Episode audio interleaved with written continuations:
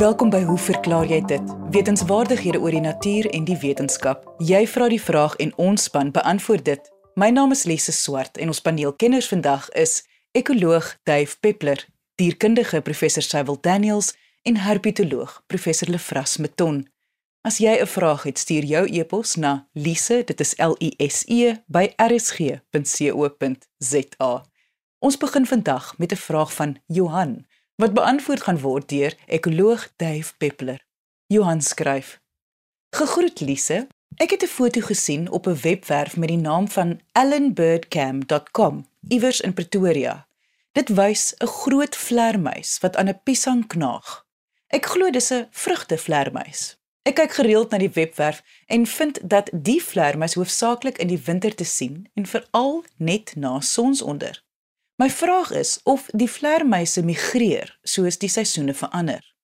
Dave, Lise, hoe lekker is dit tog om oor vlermuise te praat. Ek het 'n beheptheid met die goed al 'n leeftyd lank. Vlermuise, kom ons begin gou reg aan die begin, is soogdiere uit die orde Chiroptera. Die voorste ledemate, met ander woorde die hand en die arm van die dier, het ontwikkel in vlerke. Met ander woorde, die vingerpunte het ontsaglik lank geword of die voorpoot uh, uh se die ledemate, die voorledemate het verleng en 'n vlies die sogenaamde patagium het tussen die vingers ontwerp uh, uh, ontwikkel en so het jy natuurlik 'n funksionele vlerk. Hulle is uiters rats, baie meer rats as voëls. Hulle kan jy weet hulle kan werklik wegvlieg vir voëls wat hulle jag. Daar is 'n 'n valk of 'n arend wat vlermuise vreet. En hulle kan ontsettend klein wees. Jy weet jy dink aan die vleiende vosse, maar die kleinste kits hognose hognose bat. Se lyfie is 30 mm lank.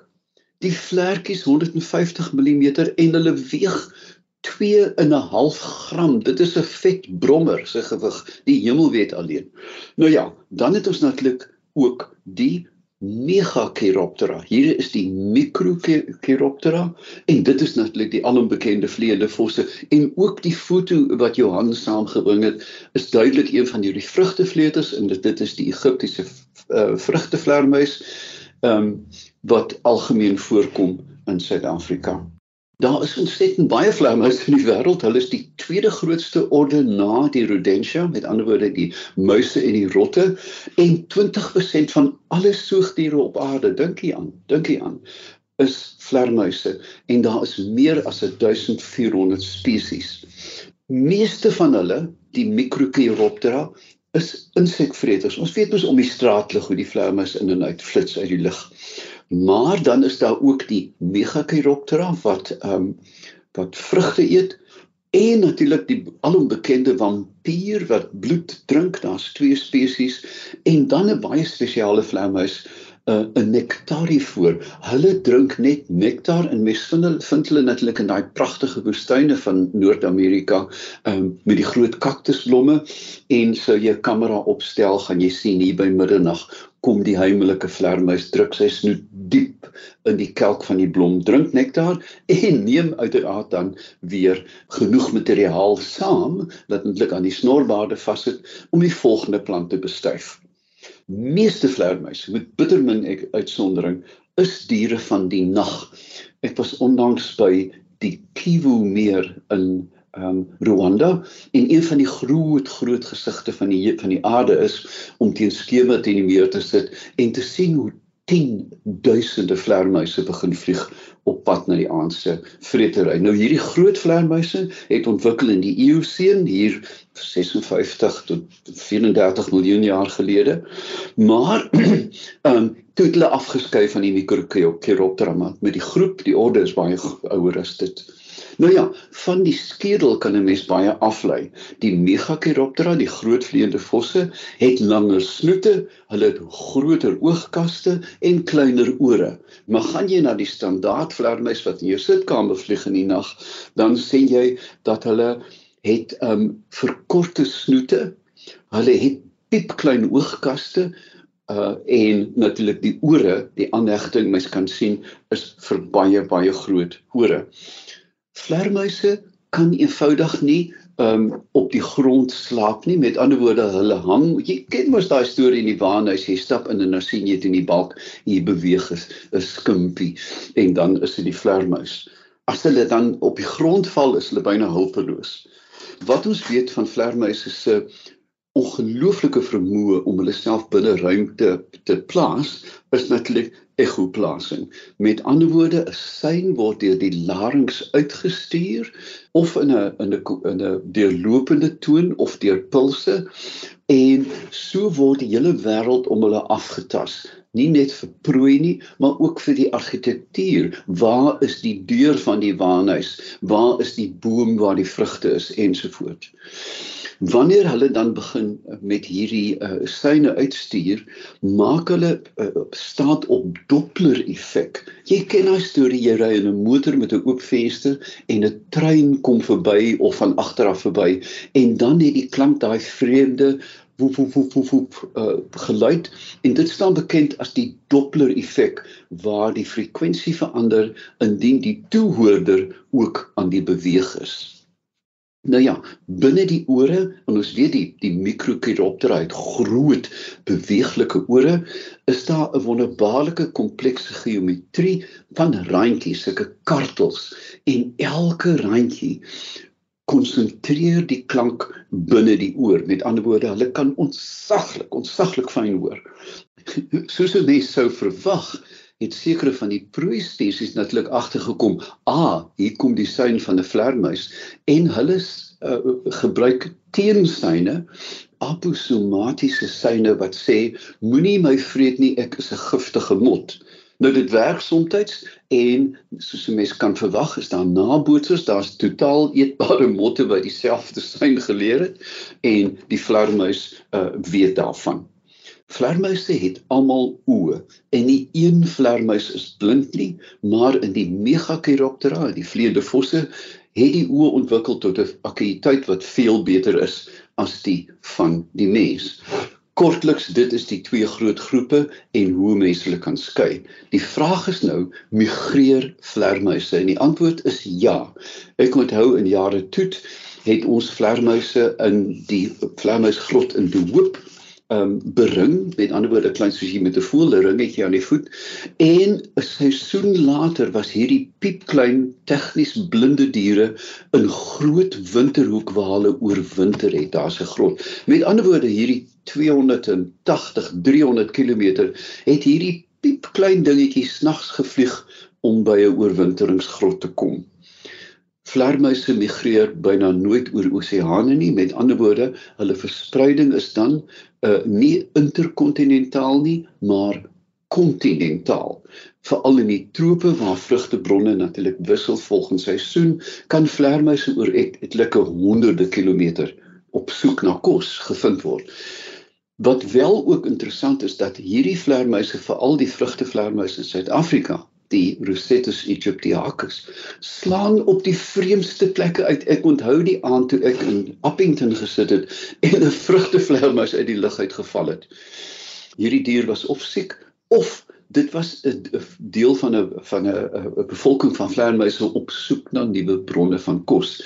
Meeste van hulle sal vrek want hulle gaan die bron nooit bereik nie. Maar indien een dit bereik, sê hulle maar hy vlieg Madagaskar toe oor die water um, en hy wag 3 of 4 jaar, moontlik kom daar nog een en dan is hulle konings van 'n nuwe habitat. So Lise wanneer 'n vlermuis weer deur jou, jou huis vlieg, jy sit in TV kyk en skielik is daar die gefladder in die huis, hou op skree op die plek. Moet moenie gil nie. Hy gaan nie jou bloed drink nie en hy gaan nie jou hare knoop nie. Kyk eerder na een van die wonderbaarlikste wonderbaarlikste diere in die ganse natuur. Jy luister na Hoe verklaar jy dit? Saam met my Lise Swart net hier op RSG. En dit was ekoloog Dave Peppler. Ons skitsvraag word gevra deur iemand onder 'n skuilnaam, waterliefhebber en beantwoord deur dierkundige professor Cecil Daniels. Hoe verklaar jy dit dat hoenders eiers lê met of sonder 'n hoenderhaan? Henne lê gewoonlik eiers wanneer hulle tussen 18 tot 22 weke oud is en die tempo waarteen die henne eiers lê word beduidend geïmpakteer deur die hoeveelheid voeding wat die diere kry, die hoeveelheid water wat beskikbaar is, die huisvesting van die diere, maar veral deur die fotoperiode. Nou die fotoperiode is die hoeveelheid natuurlike lig wat daar beskikbaar is in die omgewing waar die dier voorkom. Henne lê gewoonlik binne 6 ure vanaf sonsopkoms hulle eiers.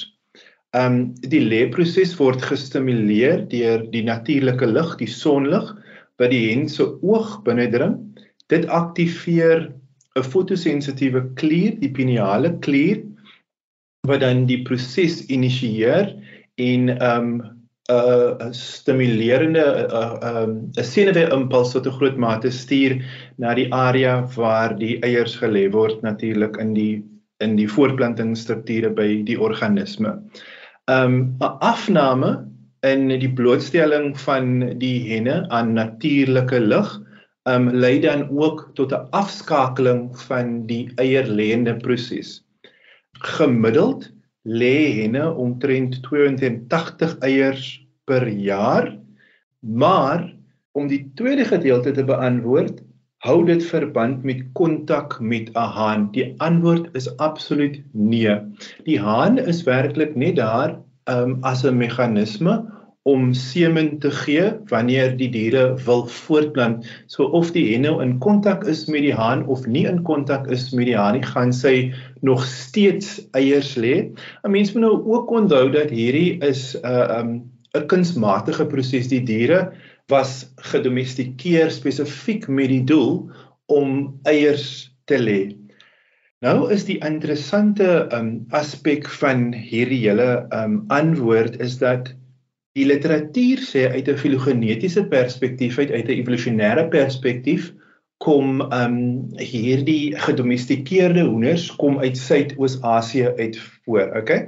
So wat 'n mens nou kan doen is jy kan kyk wat is die wilde toestand. Met ander woorde diere wat nie gedomestikeer is nie versus diere wat wel in 'n domestiese of 'n huishoudelike amper setting voorkom.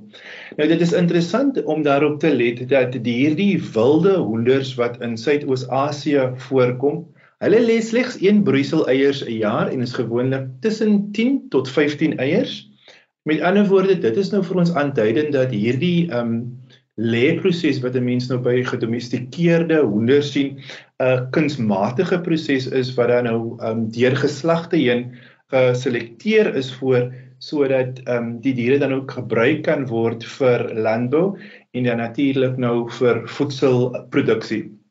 So in die wild in die algemeen gaan diere tot 'n groot mate nie elke dag eiers lê nie, maar hoender, henne spesifiek ehm um, weet ons ehm um, is gedomestikeerde diere, so ons of mense dan nou natuurlik het kunsmatige seleksie toegepas hierdie spesifieke een aspek op gefokus die die potensiaal van die van die hen om eiers te lê derhalwe lê hoenders wat mense nou op die plase kry in die algemeen elke dag eiers veral wanneer hulle dan nou genoegsame voeding water huisvesting het en dan ook wanneer die ehm um, fotoperiode dit toelaat met ander woorde wanneer daar genoeg sonlig is en wat die algemene toestand van die dier gunstig is om eiers te lê. Dit was dierkundige professor Sewil Daniels. Indien jy 'n vraag het, stuur jou e-pos na lise@rsg.co.za of na RSG se webwerf, gaan dit na www.rsg.co.za.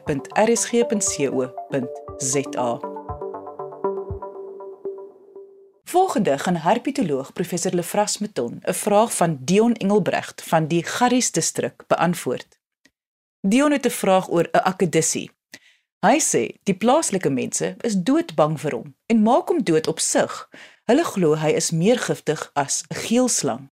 Hulle noem hom en asseblief verskoon my Dion as ek hierdie nou verkeerd uitspreek, 'n genon. Dion is nie seker of hy dit reg spel nie. Maar die ou wat vir hom die dooie akedissie gebring het, praat van 'n sandvlei genon en of 'n karoo genon.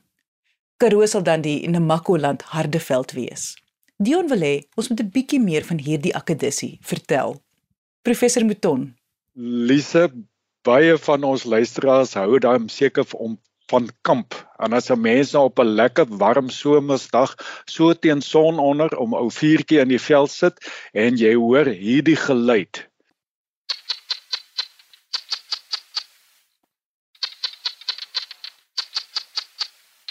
Kyk, dan smaak 'n biertjie dan nou ekstra lekker. Dit is die roep van die blafgeitjie en een van die veldgeleide eie aan die droë westelike dele van Suidelike Afrika, insluitende Namibië. Dion, die foto wat jy gestuur het is van so 'n blafgeitjie. Daar's 3 spesies van blafgeitjies uh, in die genus Tenopus en die een daar op jou plaas is die gewone blafgeitjie Tenopus garrulus. So te loops die naam Tenopus kom van die klassieke Grieks wat beteken veervoet. Dit verwys na die vryingagtige skubbe aan die kante van die tone van hierdie geitjies wat hulle help om oor sand te kan hardloop en ook om te grawe. Nodeloos om te sê dat blafgeitjies nie hegkussentjies op die punte van hulle tone het nie. Hulle het wel kloue of mens kan seker dan nou sê naels op die punte van hulle tone. Hierdie geitjies is het silindervormige lywe, somme dadelike aanduiding dat hulle nie in klipskeure bly nie. Hulle is relatief klein, so 100 tot 120 mm in totale lengte, dis nou met die stert ingesluit. Die kop is stomp van voor en die pupille is in die vorm van vertikale splete. Dis nou natuurlik as jy in die dag daarna kyk en dit is dan nou 'n aanduiding dat hulle nagdiere is. Interessant, uh blafgeitjies is die enigste plaaslike geitjies wat beweeglike of beweegbare 'n boonste ooglede het. Ons ander geitjies het mos nie ooglede nie want die boonste en die onderste ooglede het met mekaar versmelt om 'n deursigtige vellaag bo-oor die oog te vorm. So as hulle dan nou vervel, vervel hulle oor die oog ook. Nou kleur van die blafgeitjies varieer baie van area tot area, maar dorsal het hulle dan nog gewoonlik so 'n gevlekte of 'n gespikkelde voorkoms en aan die onderkant is hulle heeltemal wit. Mannetjies van al drie spesies het 'n helder oranje of geel hartvormige vlek of kol op die keel en daar's dan soms ook op die die bokant van die agterbene kan ook dan nou hierdie helder kleure hê. Dit bring ons dan ook nou sommer dadelik by die opvatting dat helde gekleurde akedisse giftig is. Ek dink nou dadelik aan die bloukopkoggemanne vir wie vele mense 'n heilige vrees het al sou dit dan nou giftig kon wees. Dit is wel waar dat helde kleure by baie diere waarskuwingskleure kan wees dat hierdie diere giftig is, maar ons moet ook onthou dat baie veral jou dagaktiewe diere ook helder kleure gebruik om met mekaar te kommunikeer. Dink maar aan al die helder gekleurde voëls wat ons kry. Ek wil dit dus graag beklemtoon dat geen plaaslike akedus giftig is nie en die helder kleure van sommige van ons akedisse is beslis nie waarskuwingskleure nie. Die enigste giftige akedisse in die wêreld is die Gila monster en die Meksikaanse in Engels is dit beaded lizard. Ek wou ons kan seker maar sê gekraalde akedus van Noord-Amerika en dan die Komodo draak uh van sekere van die Indonesiese eilande. So Dion, jy moet die mense daar in jou streek 'n bietjie reghelp. Blafgeitjies en ook bloukopkoggemannes is heeltemal skadeloos al het hulle helde kleure.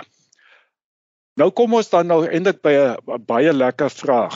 Waarom roep die blafgeitjies in die aand en waarom het die mannetjies helde gekleurde kele? Hulle is dan nagaktiewe diere en ons weet mos helde kleure is redelik betekenisloos in die nag. Blafgeitjies grawe tonnels van tot 'n meter lank waarin hulle woon. Elke geitjie bly in sy eie tonnel. Nou gedurende die dag is die openinge toegemaak om hitte en ook uh, predatore uit te hou. Maar gedurende die broeiseisoen, dit wil sê vanaf vroeë lente tot laat somer, sit die mannetjies so teen sononder in hulle tonnel se opening met net die kop wat uitsteek en dan gee hulle dan nou hulle kenmerkende uh uh, uh territoriale roepe. Hulle sê vir die ander mannetjies: "Bly weg, ek woon hier." Soos tipies van nagdiere gebruik mannetjie die mannetjie blaf gytjie dis klank om te kommunikeer net soos byvoorbeeld by paddas die geval is waar die mannetjies ook met behulp van roepe 'n klein territorium uh of 'n gebied by die waterliggaam vestig voordat die wyfies later sal opdaag om te paar.